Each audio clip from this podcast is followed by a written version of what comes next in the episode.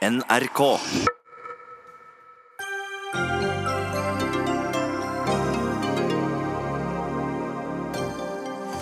Norges forskningsminister er reiseklar til Kina for å fremme samarbeid med kinesiske universiteter, universiteter som kontrolleres av kommunistpartiet. Eksperter kaller reisen for pinlig og naiv. Sogneprest vil la de politiske partiene stille til kirkevalg for å øke engasjementet. Politisere kirken er ufattelig dumt, mener Misjonssambandet. De velklingende foreslåtte nye fylkesnavnene Vestland, Innlandet, Viken med fler er snart vedtatt, uten høring først. Regjeringen får kjeft, men hvor mange runder skal egentlig disse fylkessammenslåingene ha? Og skandalen i den svenske akademien fortsetter å ryste i grunnvollene. Lekkasjer og anklager om sextrakassering kan føre til at Nobels litteraturpris henger i en tynn tråd.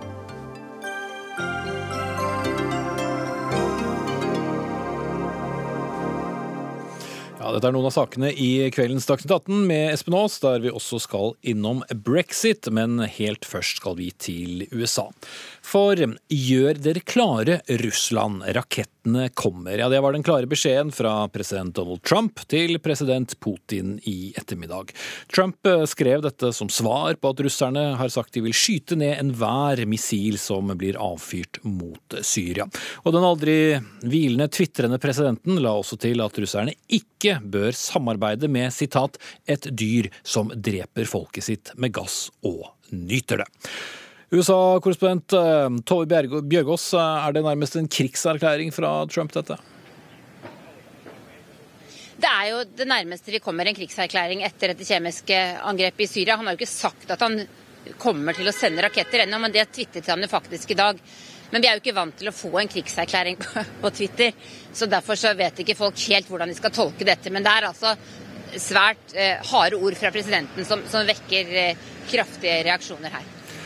Bakgrunnen er eh, selvsagt, eh, som du er innom, dette antatte klorgassangrepet som kom mot sivile i den opprørskontrollerte byen Duma på lørdag. Det er et angrep som Russland hevder ikke fant sted. Eh, men er dette en god sak for Trump nå å fokusere på?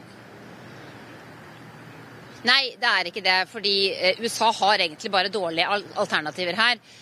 For et år siden, da det var et lignende angrep i Syria, så, så slo det til med et, så bombet de etter, etter kort tid ett angrep som nærmest ble symbolsk. Nå mener de fleste militære eksperter at USA må gjøre noe mer dramatisk dersom de skal klare å eh, vise Assad at de mener alvor. Men da risikerer de også å øke spenningen mot Russland, og det gjør i alle fall også denne tweeten fra Trump. Eh, og det er ingen som ønsker en konfrontasjon med Russland i Syria. Og Trump selv han har jo sagt at han ønsker å trekke styrkene ut, de amerikanske styrkene som er i Syria for å kjempe mot IS, og trekke dem ut. Så dette er nå blitt en, en veldig uoversiktlig situasjon der det er vanskelig å se eh, hvordan USA kan vinne noe på noen som helst slags militær eh, aksjon. Forsvarsminister James Mattis sa nå rett før sending at USA fortsetter å undersøke det antatte angrepet, og har dermed en eh, skal vi si, noe mer mildere tone. Forteller det oss noe om at administrasjonen tenker litt forskjellig her? Mattis har jo alltid en mildere tone enn enn Trump. Han holder ikke på med denne tvitringen. Men det vi vet at eh, skjer nå i Pentagon, er at de forsøker å få mest mulig informasjon om hva som faktisk skjedde gjennom bilder og video. Eh, Verdens helseorganisasjon bekreftet vel også tidligere i dag at, at det var et kjemisk angrep. For sikkerhetsrådsresolusjonene om å undersøke dette nærmere som kom fra både USA og Russland i går, de ble det jo lagt ned veto mot i Sikkerhetsrådet. Så det blir ingen granskning av det såkalte OPCV eh, likevel. Så USA forsøker nå på egen hånd å skaffe seg mest mulig informasjon. Det er vel derfor det ikke har kommet noe angrep ennå. Men vi er altså ikke vant til denne typen eh, retorikk og også disse voldsomme utfallene mot Russland som Trump nå kommer med. Og vi vet heller ikke hvem det er som egentlig trekker i trådene inne i Det hvite hus nå, for der er det også mange nye koster. Eh, svært uoversiktlig situasjon. Da sier vi takk til deg, USA-korrespondent Tove Bjørgaas. Russland har forresten svart eh, Trump nå i ettermiddag, i den forstand at de sier de ikke driver med noe Twitter-diplomati. Så da gjenstår det å se hva som blir neste steg i denne saken. Dagsnytt 18 alle hverdager kl 18.00 på NRK P2 og NRK2. Vi fortsetter sendingen med et muligens kontroversielt internasjonalt forskningssamarbeid mellom bl.a. Norge og Kina. For søndag reiser forsknings- og høyere utdanningsminister Iselin Nybø fra Venstre til Kina for å fremme samarbeid med kinesiske toppuniversiteter alle kontrollert av kommunistpartiet. På det fem dager lange besøket har statsråden med seg en delegasjon på 23 personer, inkludert samtlige norske universitetslektorer. Unnskyld, rektorer. I tillegg reiser minst 216 personer over for å delta på det faglige programmet som er satt opp i forbindelse med besøket. Pinlig og uforståelig, sa du, Torbjørn Færøvik, forfatter og Kina-kjenner til Aftenposten eh, tidligere denne uken. Hvorfor er du så kritisk? Å si det at Jeg er ikke motstander av akademisk samarbeid med Kina. Eh, men det som jeg reagerer på, det er omfanget av det hele. Eh, nå syns jeg virkelig vi skal stikke fingeren i jorda. Eh, vi bør stikke fingeren i jorda, og vi bør holde den der nede en liten stund. Ta den opp igjen, og så bør vi se på den og finne ut hvor vi går. Fordi før vi går inn i et dypt samarbeid av denne typen med Kina, så må vi ta en grundig analyse av hva slags samfunn Kina er, eh, hvem som styrer dette landet, og på hvilken måte. Eh, og Vi ser da i dag at Kina det er et beinhardt diktatur med klare fascistiske trekk. Eh, og vi er Norge, det er et lite og sårbart land. Nå om dagen så er det veldig populært å snakke om asymmetriske maktforhold. Kina har 1,4 milliarder innbyggere. Eh, Norge har fem millioner. Ehm, det er, når det gjelder Kina, så innfører de nå om dagen et, eh, et eh, avansert overvåkningssystem som etter hvert skal gjelde alle landets innbyggere, også de intellektuelle. Og Da er spørsmålet hvor interessant er det å samarbeide med dette landet? Og Det neste spørsmålet jeg gjerne stiller til Nybø eller andre, Hvorfor ikke reise til andre land som vi har mer til felles med? Eh, det kan være India, et land som snart har 1,4 milliarder, det også. Eh, og det er til og med et demokrati. Eller hvorfor ikke reise til Japan? Ja, men det er også et demokrati. Ok, Vi eh, setter foreløpig strek for deg der, Torbjørn Færvik, for nå skal ja. Eh, forsknings- og høyere utdanningsminister Iselin Nybø får svare på det hele. Til Aftenposten sa du på mandag at eh, du gleder deg til denne Kina-reisen. Går det fortsatt og kribler og gleder deg til å reise? Det er jo en, en viktig reise. Som, som, programlederen begynte med, så er det jo en stor delegasjon eh, som skal reise. Og det er jo ikke uten grunn at det er så mange som har meldt seg på. Og grunnen til at vi reiser til Kina, er jo for, altså, bl.a. at Kina er en av verdens største kunnskapsnasjoner. De er ant størst på publiseringer i dag, og det er forventa at de om få år vil gå forbi USA som den største kunnskapsnasjonen. Og så er det jo sånn at Verden står overfor store globale utfordringer, f.eks. innenfor eh, klima.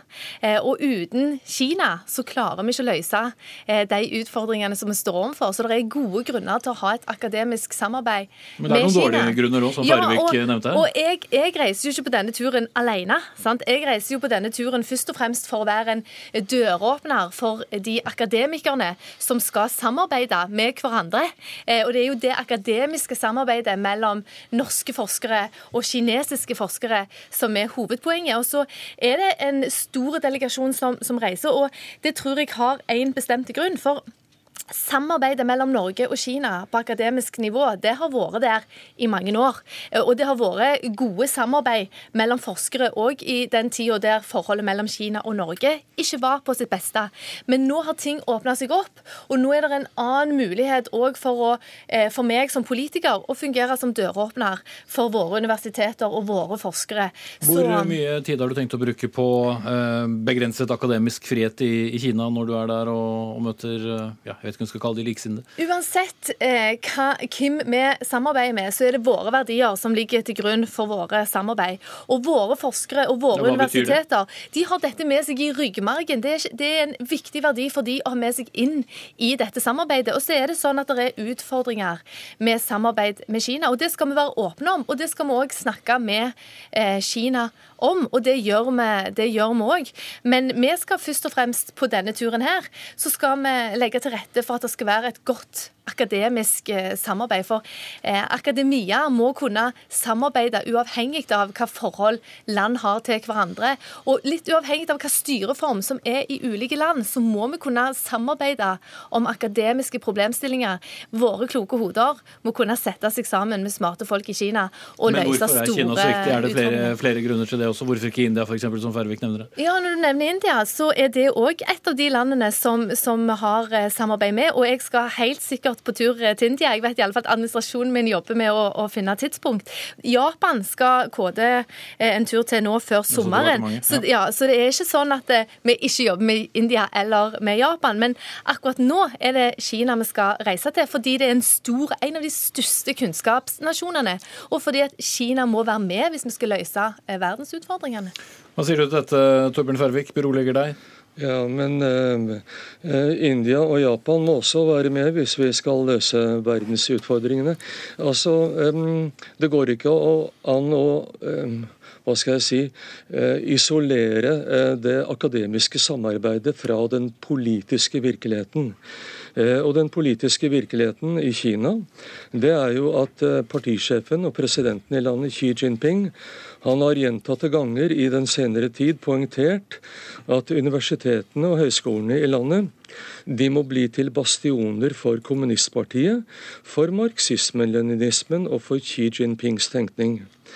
Eh, det er også slik ved universitetene der at eh, viserektor ved ethvert universitet eller høyskole må være medlem av partiet.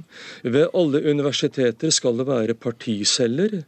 Og eh, merk dere dette, enhver kinesisk forsker eh, som reiser utenlands, må undertegne dokumenter hvor han eller hun forplikter seg til å stå til tjeneste for, som det står, det sosialistiske fedrelandet.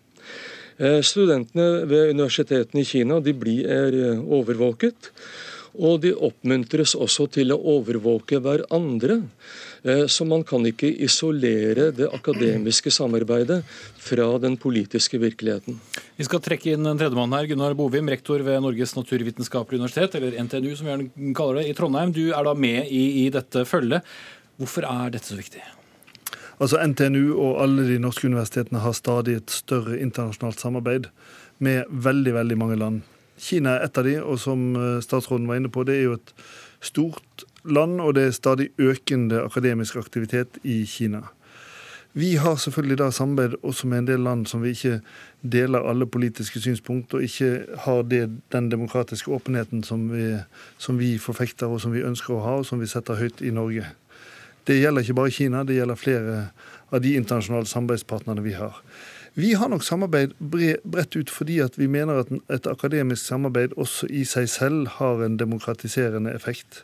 Det har en betydning at vi kan diskutere forsker til forsker hvordan forskningsresultater skal etterprøves, diskuteres, formidles og publiseres. Men Kan man stole på vitenskapelige fakta versus eh, de faktaene som eventuelt en, en regjering sier er fakta?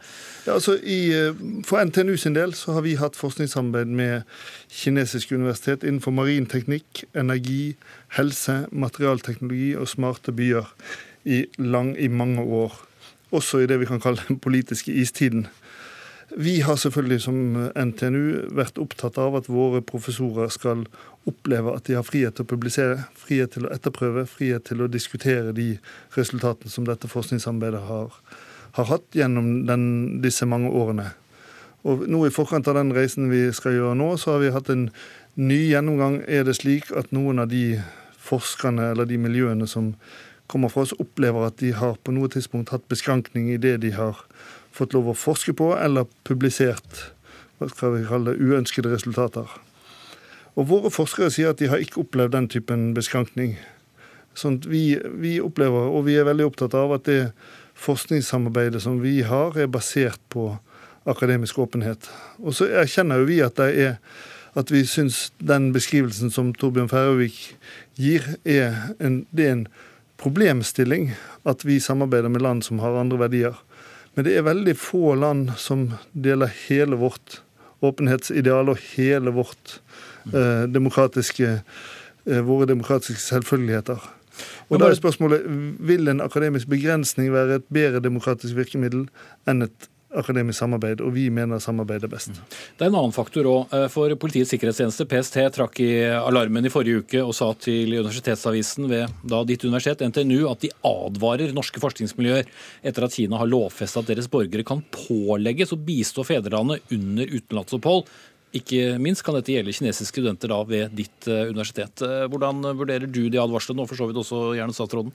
Altså vi har, uh, Våre kinesiske ansatte følte seg jo nokså ille tilrett av av det oppslaget.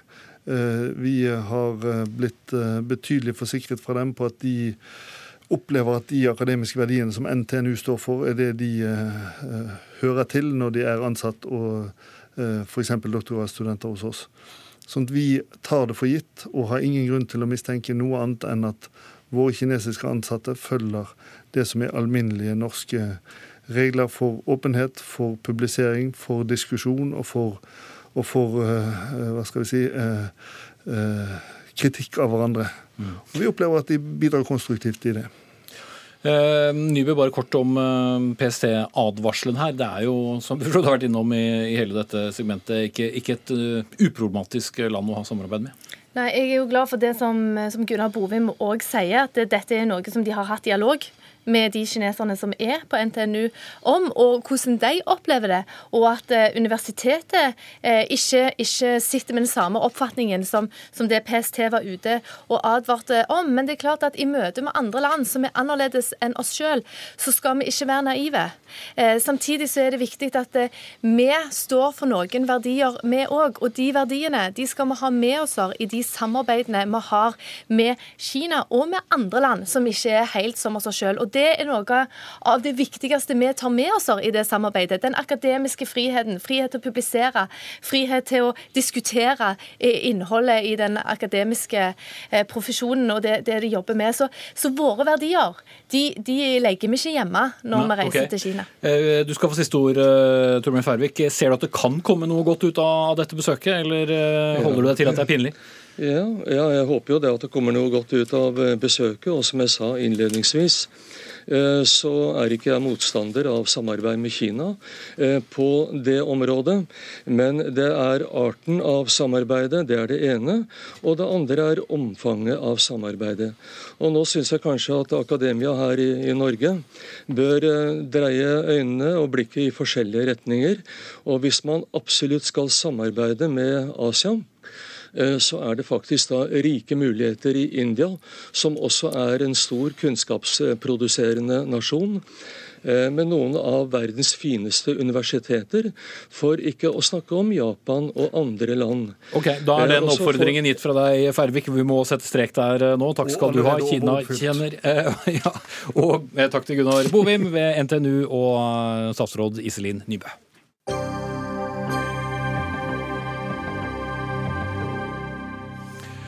De eh, politiske partiene bør stille til kirkevalg. Ja, Det kan vi lese i Vårt Land i dag. Bakgrunnen for forslaget er den dårlige oppslutningen ved kirkevalgene, som ved sist valg, altså i 2015, var på nesten 17% som for øvrig var høy valgdeltakelse.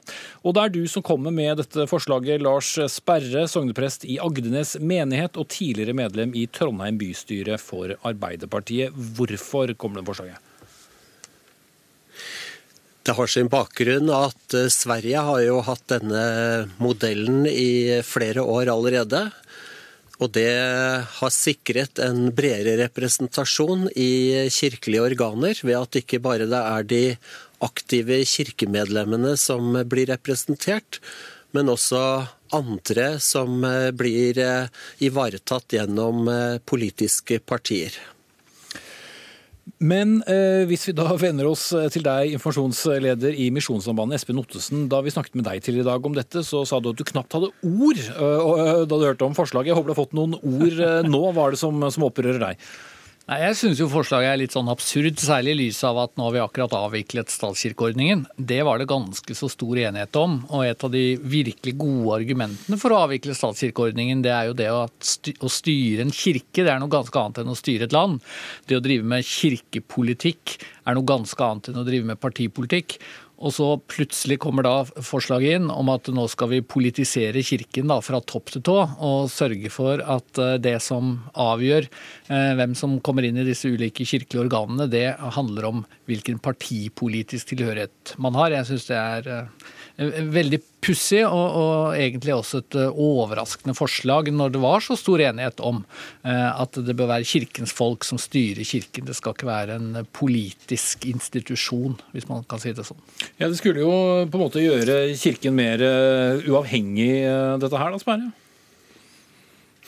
Ja, eh, og det er ingen trussel mot det. Eh, jeg skjønner at noen reagerer på at politikere skal mer inn i eh, kirken igjen, men hvem er politikerne? Jo, de er folkevalgte. Det betyr at de er valgt av velgere til å representere dem i ulike saker i samfunnet. Og folkekirken er en veldig viktig del av samfunnet vårt.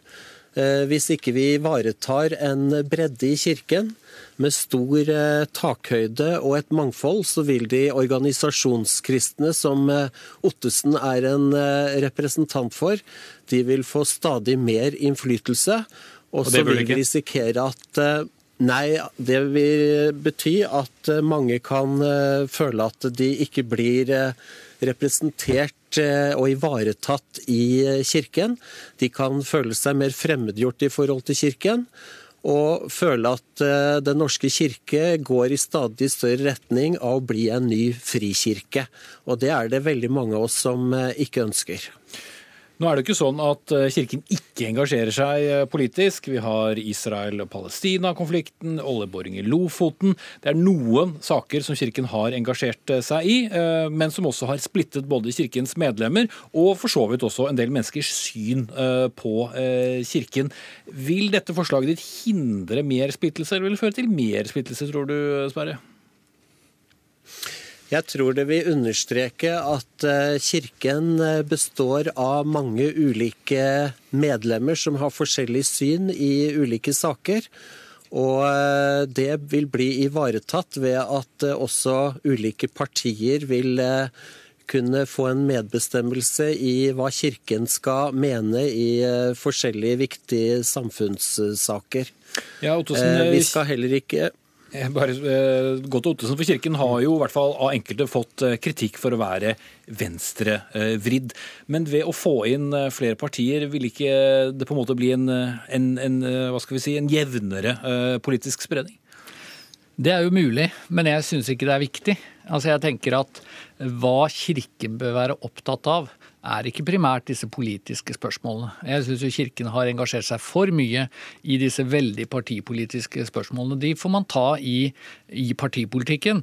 Og så tenker jeg de store spørsmålene for Kirkens framtid, det handler om hva gjør vi med konfirmasjon, hvordan følger vi opp dåpsbarn, hvordan kan vi bygge bedre ungdomsarbeid, eh, hva slags liturgi skal vi gjennomføre og liturgireformer og alt dette.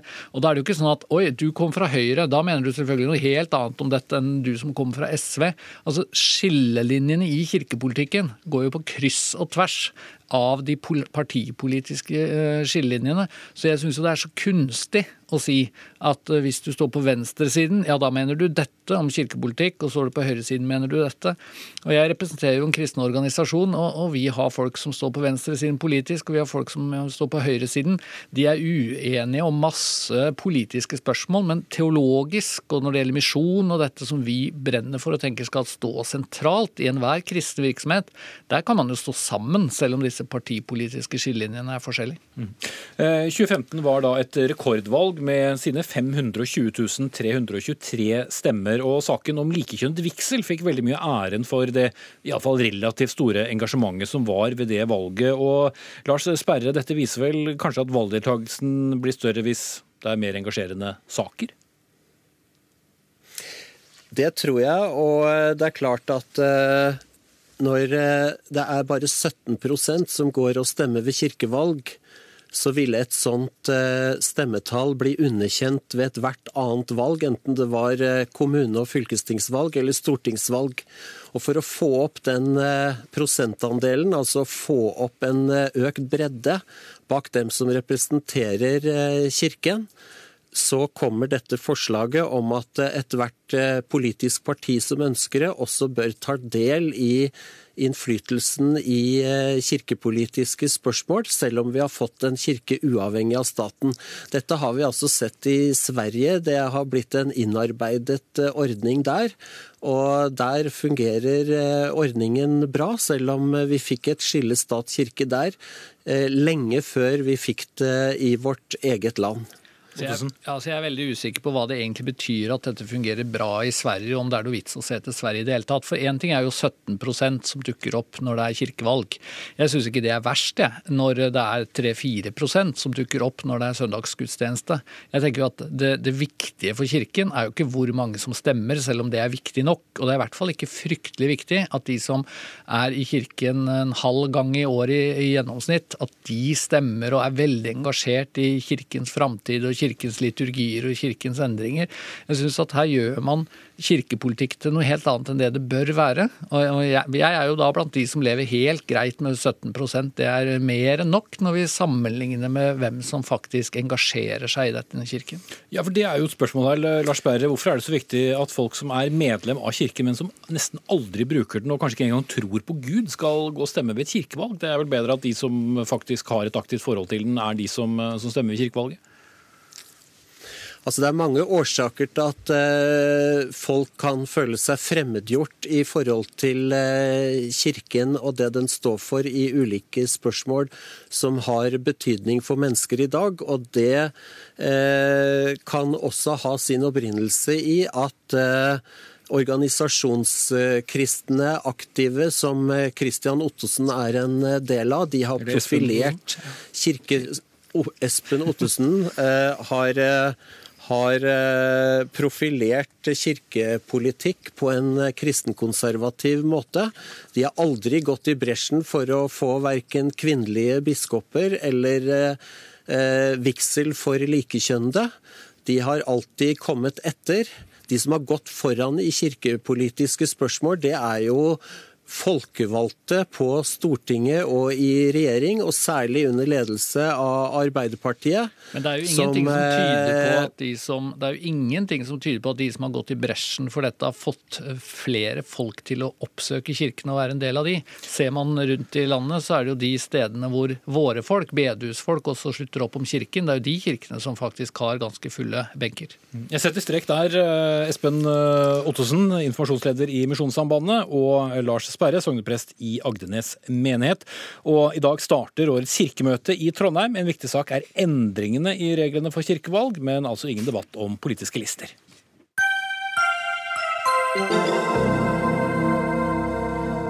Så skal vi til eh, en sak som engasjerer mange. For hør på dette. Det nye fylkesnavnet når Hedmark og Oppland slås sammen, blir Innlandet fylke, mens når Hordaland og Sogn og Fjordane slås sammen, blir navnet Vestland i ubestemt form. Det er iallfall navnet Kommunal- og moderniseringsdepartementet foreslår. Og i dag fikk vi vite at departementet har valgt å droppe en ordinær høringsrunde Rett og slett fordi debatten har pågått så lenge. Kommunalminister Monica Mæland kunne dessverre ikke komme til Dagsnytt 18 i kveld, men det kunne du. Uh, Ove Trellevik, stortingsrepresentant fra Høyre, og også Hordaland, eller det som etter hvert da blir hetende Vestland, ikke Vestlandet. Uh, hva syns du om å droppe høringsrunden? Det har jo ikke manglet på engasjement? Nei, og det er nettopp det som er poenget. Det har vært et veldig godt engasjement på Vestlandet fra nord til sør, med gode debatter på både radio og i aviser. Og gode prosesser har det vært i alle fire fylker, skulle jeg til å si. De som er på Vestlandet, men fylket blir hetende Vestland? ja, for å presisere det. Det, det hoppa jo noen fylker av både i nord og sør under prosessen her. Så jeg føler at det, debatten rundt navnet har vært veldig åpen og ryddig og veldig demokratisk og lagt opp. Så for meg så er dette et, et godt valg. Men uh, i NRK Dagsnytt i morges så sa to juseksperter at de mener dette er brudd på den såkalte utgreiingsinstruksen å droppe høringsrunde. Du er ikke bekymret uh, for disse innsigelsene? Nei, altså det, sånn som jeg oppfatter det, så er det muligheter å, å gå direkte til Stortinget med en sak når det ikke er grunnlag for å ha høring. Og Sånn som eh, debatten har vært og prosessen har vært ute, med at det har vært stort engasjement i involverte fylker, så eh, har dette vært gode prosesser. Og de berørte fylkene som har vært, eh, der det har vært diskusjon, har jo vært inne, på, vært inne på, statsråden sitt, på møte med statsråden. og og det har vært gode eh, innspill til departementet òg, som er blitt evaluert. Og Språkrådet har òg blitt konfrontert i, i, disse prosessene her. Men så skal vi nå behandle dette i Stortinget òg, og vi vil jo legge opp til høring på dette i Stortinget. sånn at hvis det er noen som føler at ikke de har fått eh, sagt sitt, så er det jo bare å, sende oss en melding i komiteen, så skal vi nok lytte til flere enn hva de som har hatt ordet i denne saka til nå. Mm. Olaf Lundteigen, stortingsrepresentant fra Senterpartiet og Buskerud, eller det som etter hvert blir Viken muligens. Eh, at du er imot regionreformen er godt kjent, og partiet som sådan. Men hva tenker du om at departementet nå tar denne snarveien til Stortinget og dropper uh, høringsrunde? Nei, Det er jo bare fordi at uh, regjeringa veit at de har flertall i Stortinget på denne saken. Og da kan jo de gjøre som de vil. Det er jo sånn demokrati dessverre fungerer. at på, Selv om vi har en utredningsinstruks som sier at en skal gjøre det sånn og sånn, så kan regjeringa da etter eget forgodtbefinnende si at nei, her er ikke behov, så vi kjører rett til Stortinget. Men det hadde vel kanskje ikke endret så mye uansett. Så hvis du sier de likevel har flertall, så hvorfor bruke enda lengre tid på noe som har tatt eh, forholdsvis lang tid? Nei, Det kan du jo godt si. Samtidig som de eksemplene som du tar fram, Vestland kontra Innlandet, det er jo et tegn på at en kanskje burde tenkt seg litt mer om. Mm. Men det eh, har blitt sagt eh, veldig mange ganger i mange av disse sakene. Vi har hatt eh, skal det være Troms først, skal det være Finnmark først, og selvfølgelig disse fire vestlandsfylkene som nå ble til, til to. Er det ikke også greit at dere som nå er våre alles folkevalgte, tar den endelige og siste debatten? Jo, det er jo ingen som er uenig i det. Samtidig som at det er jo en fordel at folk får tid til å, å tenke gjennom det på en helhetlig måte. Men vi skal jo være klar over at uh, denne diskusjonen om navn på fylker eller regioner, den har jo sin parallell når det gjelder kommuner. Regjeringa har gjort akkurat det samme der i flere tilfeller. Sånn at uh, regjeringa kjører på og har hastverk og prøver å få mest mulig på plass så lenge de har flertall. Ja, for Selv om dere kanskje har bestemt dere og kommer til å, få gjennom flertall for dette, Ove Trellevik, så er det jo noe med som vi var inne på, dette har engasjert utrolig mye. Mange debatter i, i Dagsnytt 18 og andre av NRKs lokale og, og, og rikssendinger. En siste høringsrunde, hva hadde det skadet? Bortsett fra at det har tatt lengre tid. Men vi vet jo hva som kommer. Nei, Det kan du godt si, men det har jo vært veldig mye høringer på dette her, i den forstand at man har involvert eh, fylkene som har jobba med dette her. Men det har vært høringer på mange nivåer. Så en siste høring på, på, på, selve navnet, som jo det har vært debatt om helt, til, eh, ja, helt frem til nå. Ja, helt frem til nå. Men, eh, men, de valgene som er tatt av regjeringen, stemmer jo veldig godt overens med de vedtakene som er gjort i de fylkeskommunene som er involvert. Og Er det nå en gang slik at vi skal lytte til lokaldemokratiet, så er jo dette en god sak å lytte til, hva de egentlig vil hete. Og Jeg kan ikke forstå hvorfor vi nå i Stortinget skulle sette oss ned og bestemme at eh, Vestlandet nå plutselig skulle hete noe helt annet, bare fordi at vi hadde fått noe innspill nå i siste runde, når vi har hatt den gode prosessen på dette fra nord til sør på Vestlandet. Det blir for meg helt feil når vi har involvert innbyggerne og politikere lokalt på denne måten som har blitt gjort. Så dette er en fantastisk god prosess. Det er et prakteksempel på hvis man skal gå hoppe bukk over en høring, så må dette være i henhold til utredningsinstruksen at nettopp prosessen har vært så god at man kan gå direkte til Stortinget. Det er jo mange mennesker som føler seg som vestlendinger, som ikke kommer til å bo innenfor det som kalles for Vestland. Og de har jo hatt liten innflytelse her på hva navnet skulle da bli for det området, som, området som, er. Vi kan ta, vi kan ta eksempelet da med, med Viken, eh, som eh, er et eh, gammelt navn som historisk da har gått helt ifra Risør og langt ned i Sverige. Men som i dag består av tre andre fylker. Bare for å um, oppdatere eh, lyttere og seere på, på hvilke fylker dette nå blir. Ja, nå er det da tre fylker som skal inn i det som skal kalles for Viken. Østfold, Akershus og Buskerud. Så skal kjernen i Viken, nemlig Oslo, skal ikke være med. Og så skal heller ikke Vestfold eller Telemark eller, eller Agder være med. For de skal hete Vestfold og Telemark? De skal hete Vestfold og Telemark. og Når vi hadde i sin, i sin tid spørsmål om vi skulle slå sammen Buskerud, Vestfold og Telemark, så fant en jo ikke på noe mer klokt enn det som var, hette da eh, Vestfold, Buskerud og Telemark, altså VBT. Eh, og da kunne jo noen si at eh, det nye nå som blir lagd, som er Buskerud, Østfold og, Akershus kunne jo kaltes for Bø med stum A. Men eh, samtidig, jeg hører jo at vi kunne jo diskutert disse navnene her eh, langt inn i neste stortingsperiode eh, og vel så det. Det handler jo om mer enn bare navn. Det er klart det. Det ligger jo svære politiske realiteter under. Det er jo det som er eh, helt avgjørende. Men samtidig så blir det jo sagt at det navnet som er, det skal skape identitet. Det skal skape identitet. Og hvis du tenker her på de menneskene som altså bor i, i, i Østfold, i Akershus og i Buskerud at de skal ha en identitet til Viken, mens de som bor i Oslo, de, nei, de hører ikke med til Viken. Og hvis alle ser på de historiske navnene, så er det altså Viken et navn som omfatter mye, mye mer enn det som nå er inne i regjeringas definisjon. Ja, for Trellevik, nå er, nå er ministeren din uansett en bil og hører sikkert ikke Dagsnytt 18. Er du helt komfortabel med hvordan dette her har endt med det litt uh, uoversiktlige kartet og et uh, et fylke som heter Vestland, som har bare to vestlandsfylker, mens to andre blir stående igjen på utsiden? Både i navnedebatter og i grensedebatter, og når så mye er involvert, så er det alltid noen som vil være misfornøyd eller ha andre tanker om hvordan resultatet skulle ha vært. Jeg tenker det at Når vi har lytta til fylkeskommunene, og de har fått de navnene som de har pekt på, så er det med å danne grunnlag for gode prosesser framover. Det skaper identitet både for politikerne, for innbyggerne. Vi skal nå inn i en prosess som er mye viktigere enn hva navnene, nemlig oppgavene. Fordelingen mellom stat og fylkeskommuner, fordeling mellom fylke og kommuner. Dette blir utrolig viktige prosesser prosesser diskuterer, som kanskje betyr mye mer enn hva selve navnet. Det blir i hvert fall en frisk diskusjon i Stortinget, det er jeg sikker på. Takk skal dere ha, Per Olaf Lundteigen fra Senterpartiet og Ove Trellevik fra Høyre. Og dersom det går som regjeringen vil, så skal de nye fylkesnavnene tre i kraft fra 1.1.2020, med unntak av Trøndelag, som altså oppsto ved årsskiftet for litt over tre måneder siden. Og for øvrig så blir det likevel de samme valgkretsene i stortingsvalget i 2021, selv om fylkene altså da ikke lenger eksisterer. Så her er det bare å følge med. Hør Dagsnytt 18 når du vil. Radio NRK Radio.nrk.no.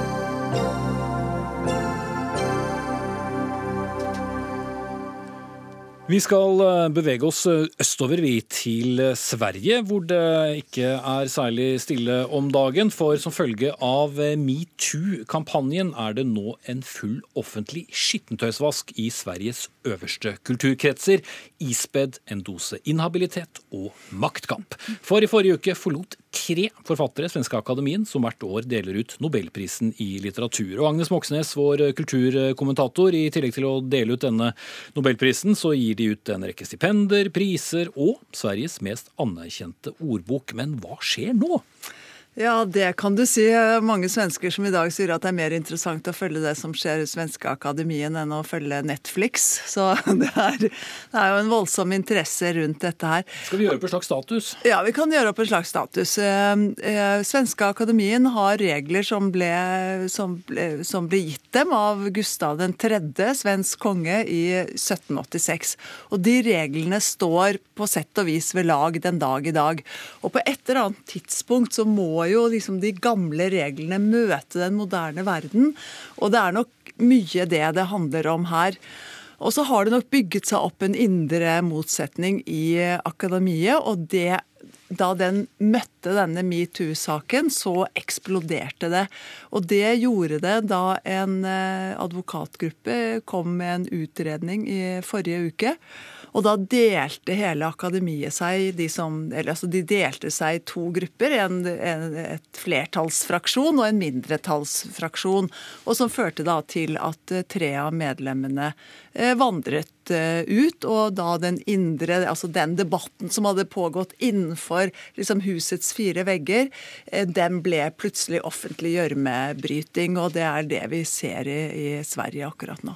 Ja, og, og som eksempel så, så, er jo disse gamle reglene, som er mange hundre år gamle, skaper også da problemer når man står oppe i en situasjon hvor tre stykker er, har gått ut. For hvordan kommer man videre? Ja, Det er jo det som er liksom den store utfordringen nå. Det er to stykker som har gått ut tidligere. De kan ikke erstattes. Nå er det tre stykker som har gått. I kveld skal en, en av de 13 som sitter igjen, Sara Stridsberg, hun skal dele ut en Hun er forfatter, sitter i akademiet, skal dele ut eh, Akademiets nordiske pris. Og så har hun sagt at hun etter når hun har gjort det, så skal hun vurdere sin plass i akademiet.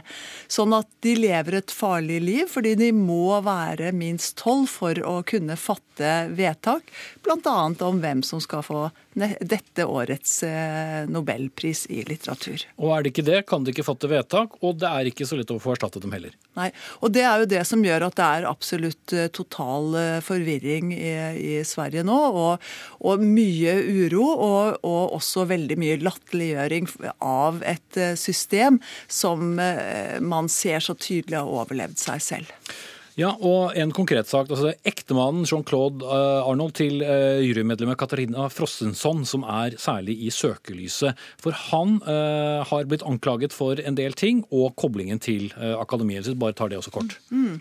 Ja, og, og, det er jo det som liksom utløste hele denne skandalen som vi ser rulles opp nå. Og, og, og spørsmålet er hvordan skal man takle det. Man prøvde å ekskludere Katarina Katarina Frostenson. Altså bare det, er det mulig å ekskludere en person fra et bord hvor man ikke kan fjernes, liksom? Det er altså så mange ubesvarte spørsmål eh, her. Men, men, hans rolle, både at han er anklaget for liksom, trakassering og overgrep, men også det faktum at han har vært en som har lekket lekket informasjon om nobelprisvinnere. Ikke bare én gang, men mange ganger. Opptil syv ganger skal det være, og visstnok har skrytt av at han har visst hvem det er som, som, skulle få prisen. Og alt dette står jo i dette reglementet, da, at man ikke skal man krangle offentlig, og ikke skal man lekke hvem som har fått denne prisen. Så det er liksom Alle har på en måte brutt det reglementet som gjelder for det svenske akademiet akkurat nå. Ikke småtterier. Eh, vi skal eh, til deg nå, Gabriel Gleichmann. Du er forfatter og forelegger og har samarbeidet mye med Svenske Akademien tidligere. Er det som nå kommer frem overraskende, eller er dette ting som eh, har vært kjent for dere i miljøet rundt? Alltså, vad som är överraskande det är beteendet från en del akademiledamöter. Istället för att diskutera, lösa sina interna problem, så går man ut i det offentliga i mycket skarpa ordalag anklagar för varandra för saker. Det gör ju att det blir oförsonligheter och, eh, och det är lite obegripligt för dem som är utanför det hela. Så det som överraskar mig det är den låga nivån.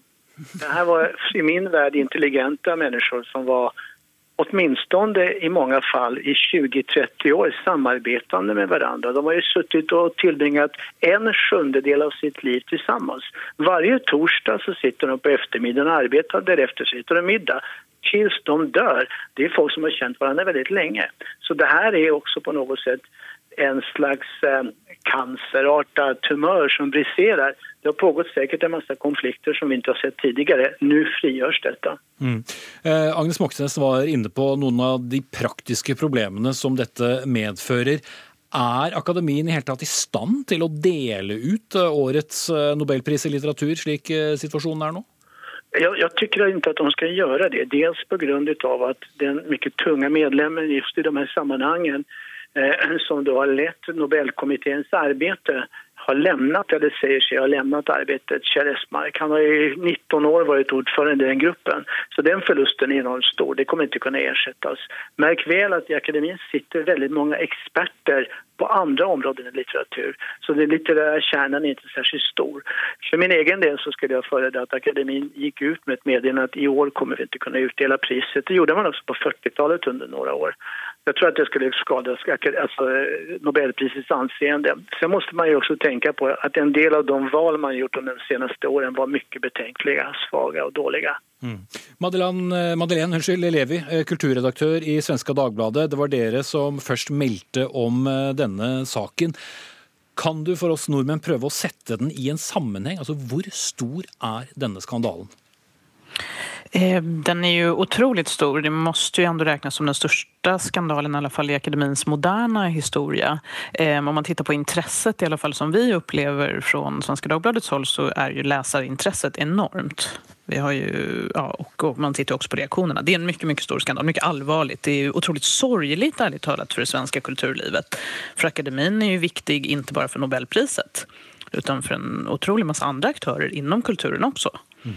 Og faktisk så har denne saken nå gått så langt at eh, deres egen konge har i dag sagt at han skal se på saken. Det forteller vel eh, en del om hvor uvanlig den er? Ja, kungen är ju akademins högsta beskyddare. Kungen eh, har ju haft ett antal möten ända sedan den allra första tidningsartikeln med de här uppgifterna om Jean-Claude Arnault kom med Sara Danius. Nu har han även träffat eh, akademins ordförande. Ja, nej, men kungen är ju den som kan ändra i stadgarna. Men vad kan han göra?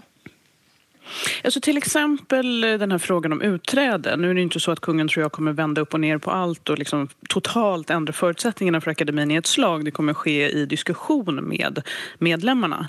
Eh, men han kan ju till exempel arbeta tillsammans med eh, ja, dåstående sekreterare Sara Danius och ta fram ett sätt som man skulle kunna utträda ur akademin så att man alltså kan avsluta sin tid där och släpp, på det sättet släppa in andra nya ledamöter. Mm. Är det en, en mulig lösning? Det, kan det roe de gemyttene som nå er? Ehm, ja, det är ju, det är ju så här, akademin behöver ju ett antal medlemmar. Redan nu är den väldigt stukad. Ehm, man har ju svårt att tro, ja, till exempel kring Nobelpriset, hur ska arbetet gå till på så här kort tid och med så pass få arbetande människor? Ehm, så det är klart att det skulle behövas. Jag tycker att en förnyelse skulle behövas generellt sett, där man ska kunna utträda och där också ny, nytt ja, men nytt blod ska kunna komma in. Man ska kunna vara yngre personer som delar på det arbete som finns, det viktiga arbete som akademin gör. Men det er ikke bare rett å, å få til heller. Agnes Moxnes? Nei, og Det som jeg syns har vært interessant nå i ettermiddag, det er jo at Nobelstiftelsen er kommet eh, på banen. De har ikke uttalt seg før. I en pressemelding i dag så sier de at de mener at denne skandalen rett og slett skader Nobelprisens eh, anseelse. Og de retter liksom rett og slett pekefingeren til, eh, til Svenske Akademiet og sier at de er nødt til å rydde opp, og at de er nødt til, nå må de begynne å, holde kjeft. Og, og heller liksom ta vare på, på det oppdraget de har, heller enn å tenke på seg selv. Eh, de må vise at de er i stand til å gjennomføre en, en utvelgelse av en litterær, altså nobelprisvinner. Og dessuten at de mulige lovbruddene blir etterforsket av politimyndigheter og ikke skal ordnes opp i internt. Mm. Gabi Gleichmann, ville det løse noe opp om Katarina Frostensson også går av? Jag tror att det kunde kanske hjälpa. Alltså jag, jag förstår att hon har svårigheter att i det sig, att hon känner sig utsatt för väldigt mycket press och sådär. Det är klart att det skulle kanske lindra ett problem men i längden så löser inte det det stora problemet och det är den enorma schismen mellan olika människor i akademin. Sen finns det ett stort mått av hyckleri med det här också att man lämnar akademin. Man lämnar akademin men många av de medlemmarna som lämnar akademin har fantastiska privilegier. De bor i bostäder som tillhör akademin mitt inne i centrala Stockholm där man inte betalar hyror. Och, eh, och jag vet inte, har de lämnat dessa bostäder också? Så det är, liksom, det, det, är så många element i det här som måste rensas upp. Därför tror jag också, som, som Madeleine var inne på, att det viktigaste är väl egentligen att utredesfrågan utreds så att man kan lämna akademin. Kerstin Ekmans stol har stått tom i 29 år. Det måste finnas möjligheter att få in andra krafter som kan arbeta. Innan dess så kommer akademin med den här konstellationen, den här kommer aldrig bli ett helt trovärdigt gäng arbetande människor tillsammans. Mm. Madeleine Levi, stadig kulturreaktør i, i Svenska Dagbladet. Det har altså vært en akademi som har eh, eksistert eh, i over 230 år. Hvis de kommer seg gjennom denne eh, skandalen, så trenger de vel rett og slett tid på å gjenvinne eh, egen troverdighet? Ja, alltså, jag tror att det går att återvinna trovärdigheten men jag tror att det krävs, dels som sagt kommer ta lång, lång tid. Alltså, det kommer säkert ta ett decennium. Man måste komma ihåg att alltså, den, de här, den här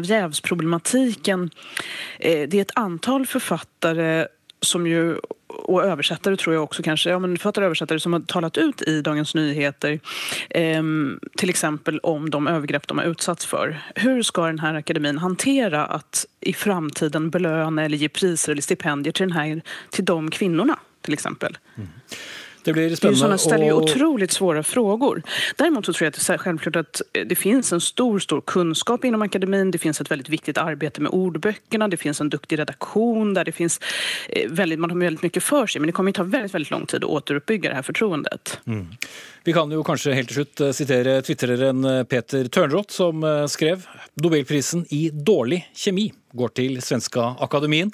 Takk til Gabi Gleichmann, forfatter og forelegger, Madeleine Levi, kulturredaktør i Svenske Dagbladet, og Agnes Moxnes, kommentator her i NRK.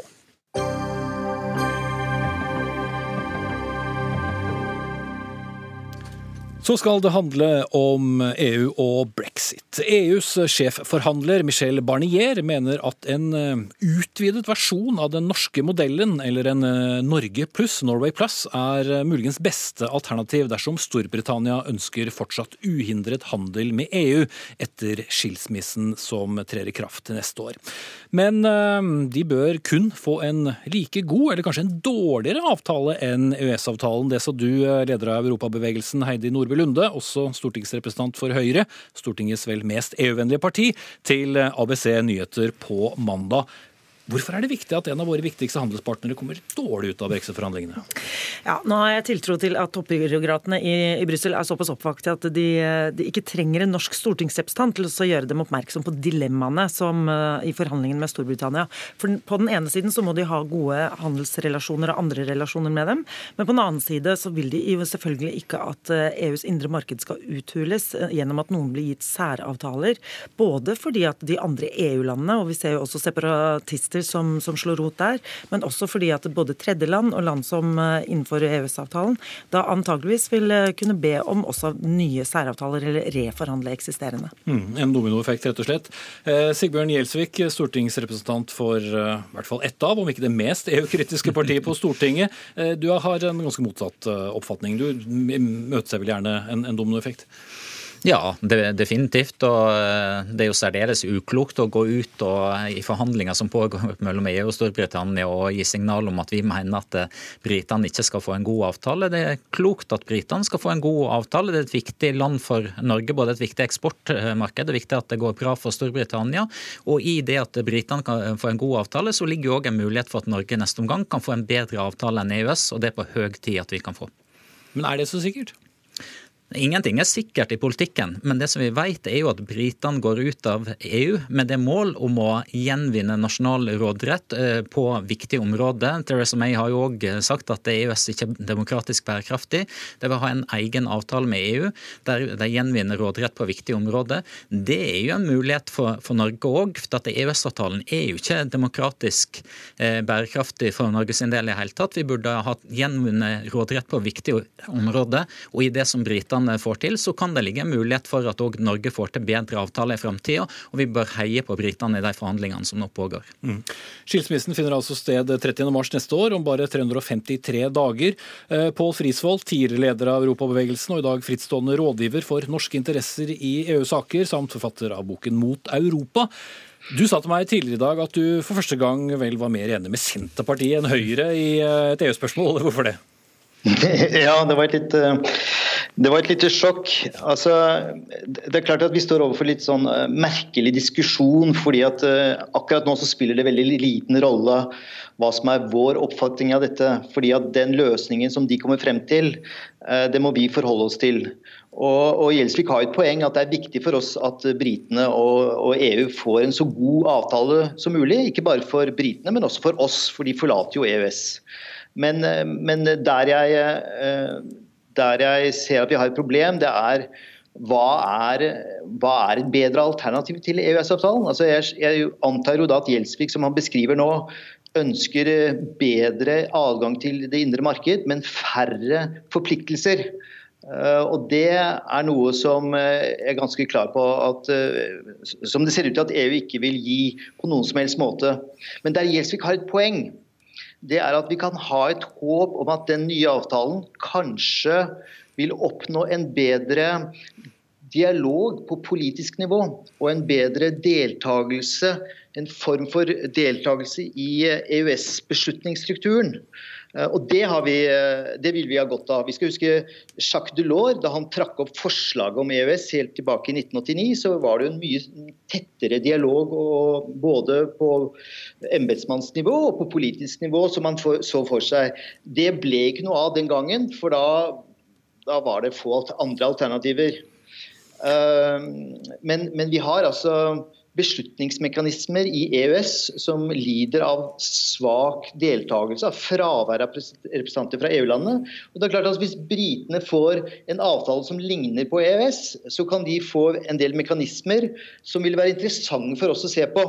slik at her er det forskjell på, det er forskjell på struktur og prosess og på innholdet i avtalen. Mm. Eh, det hører jo med til denne historien at brexit-minister David Davis eh, har flere ganger sagt at en sånn Norge-opsjon er det, den aller dårligste løsningen. Men Heidi Nordby Lunde, hva, hva tenker du kan være en, en god løsning Eh, sett med EU-øyne og Norges EØS-øyne? Jo, men altså, Etter min mening så forlater jo Storbritannia den optimale avtalen, som jo er fullt medlemskap. Og etter min mening er jo en bedre avtale for Norge nemlig da å gå fullt og helt inn, istedenfor å stå med ett bein utenfor, slik vi gjør i dag. Fordi at Hvis du skal ha bedre politisk gjennomslag, så må du nettopp sitte rundt de bordene der hvor avgjørelsene blir tatt. Ikke stå utenfor og bare bli, bli påvirket av, eh, av, dem. Så jeg ønsker britene alt godt. De er en av våre viktigste allierte. Og selvfølgelig ønsker jeg at også EU skal opprettholde sine gode relasjoner der. Så jeg ikke, tror ikke det er noe oppsiktsvekkende i det jeg har sagt. Og da sparker jeg vel opp åpne dører også. Det som er mer oppsiktsvekkende, er når jeg er sammen med Senterpartiet i London og hører Gjelsvik helt ukritisk invitere eh, britene inn til, eh, til, å bli fullt medlemskap i EFTA, som jo er vår handelsplattform. Og det er uten forbehold, eh, uten å se på hva som er norske interesser, fra et parti som hevder å nettopp fremme de samme norske interessene. Ja, for Dere var begge over i London, øh, og ja, øh, det var en av tingene du og altså, som du også har sagt tidligere, kunne være en god idé. Ja, definitivt. Og det er litt interessant å høre på Høyre, da, som sier sitt alternativ er EU-medlemskap, altså der vi, vi avgir råderett på stadig nye områder. Over nasjonalitet. Vi skal inn i en union med 27 andre land. Det er helt greit, men så inviterer britene inn i et mellomstatlig samarbeid i EFTA. Det er plutselig et stort problem. Jeg tror tvert imot. Det å invitere britene tilbake i en organisasjon som jeg var med på å starte sammen med oss. Det vil f.eks. gi full frihandel på fisk, som er viktig for Norge. Vi eksporterer mer enn for en verdi på mer enn 5 milliarder årlig til Storbritannia. I EFTA er det frihandel på fisk, da har en løst det problemet der. Og en kunne òg sammen med briter forhandle handelsavtaler internasjonalt. Svært gode muligheter for positive effekter både for Norge og for Storbritannia. En viktig alliert for, for Norge og det landet i verden som vi har eksportert mest til de siste årene. Mm. Så er det også sånn at eh, selv om denne berømmelige datoen kommer i mars neste år, så ligger det også en overgangsperiode her som skal vare ut 2020. Det brexit-motstandere i Storbritannia kaller Hotel California-modellen, med henblikk på Eagles-låten som avslutter med You can check out anytime you like, but you can never leave. Men Pål Frisvold, en EFTA-modell, hvor realistisk tror du det er? Det er klart at En EFTA-modell må være et resultat av de forhandlingene som skal nå finne sted over flere år. Fordi EFTA og EØS er ingen optimal løsning for britene. Det er helt soleklart, og det er et veldig lite oppslutning om det nå. Eh, men det er klart at hvis partene skal bevege seg, eh, altså Hvis britene skal bevege seg mot et kompromiss, og EU det samme, ja, så er det mulig at EØS eh, vil da fremstå som, som den beste avtalen. Og det er klart at For oss så er det viktig at vi verner om den avtalen. Men det er interessant det som Gjelsvik plukker opp. fordi at UK, eh, Storbritannia i EØS det vil gi oss utfordringer og muligheter. Eh, vi har et godt og viktig energisamarbeid med, eh, med, Storbritannia. Vi har alltid vært interessert i å ha fokus på det indre marked. Vi er skeptiske, skeptiske til suverenitetsavståelse. Slik at vi har en del felles ting. Og så er det også slik at vi vil jo aldri være i allianse med et land hvor vi er enige med alt. Eh, vårt samarbeid i dag med Island og Liechtenstein er jo en god illustrasjon på det. Eh, slik at eh, Tilbake til dette med det som mangler, altså det som gjør noe av det som er vanskeligst med EØS, det er jo manglende politisk deltakelse. Og ved siden av Storbritannia så er det muligheter for at vi kan få en bedre dialog og ha en, en, en, tettere politisk samarbeid med EU enn det vi har i dag. Mm. Uh. Ja, altså Når det gjelder EFTA, så kan du tenke deg et vippest, uh, vippestativ der Norge sammen med ikke den største staten i verden, men Liechtenstein, Island og Sveits sitter på den ene siden med våre 6-7-8 millioner innbyggere, hvor det hopper ned et land med 8 millioner innbyggere, og hva det gjør for vektingene internt i EFTA. Så det er ikke gitt at det er i norske interesser. Men jeg syns det er interessant da at Gjelsvik her er så åpen på å få full frihandel for fisk, og at det er en mulighet for Norge. For det er jeg veldig for. Men hver gang vi er i internasjonale avtaler, så forutsetter det at vi bygger ned tollbarrierer tollbarrierene på landbruk. Hvis det er i norske interesser, så er jeg veldig på Gjelsviks side. Det hørtes ut som en veldig gøyal videre debatt, men vi må sette strekk her nå. Vi takk til Pål Frisvold i Brussel, Heidi Nordby Lunde, leder av Europabevegelsen og stortingsrepresentant for Høyre, og Sigbjørn Gjelsvik, også stortingsrepresentant for Senterpartiet. Ansvarlig for sendingen det var Dag Dørum, teknisk ansvarlig Marianne Myrhol, og her i studio Espen Aas.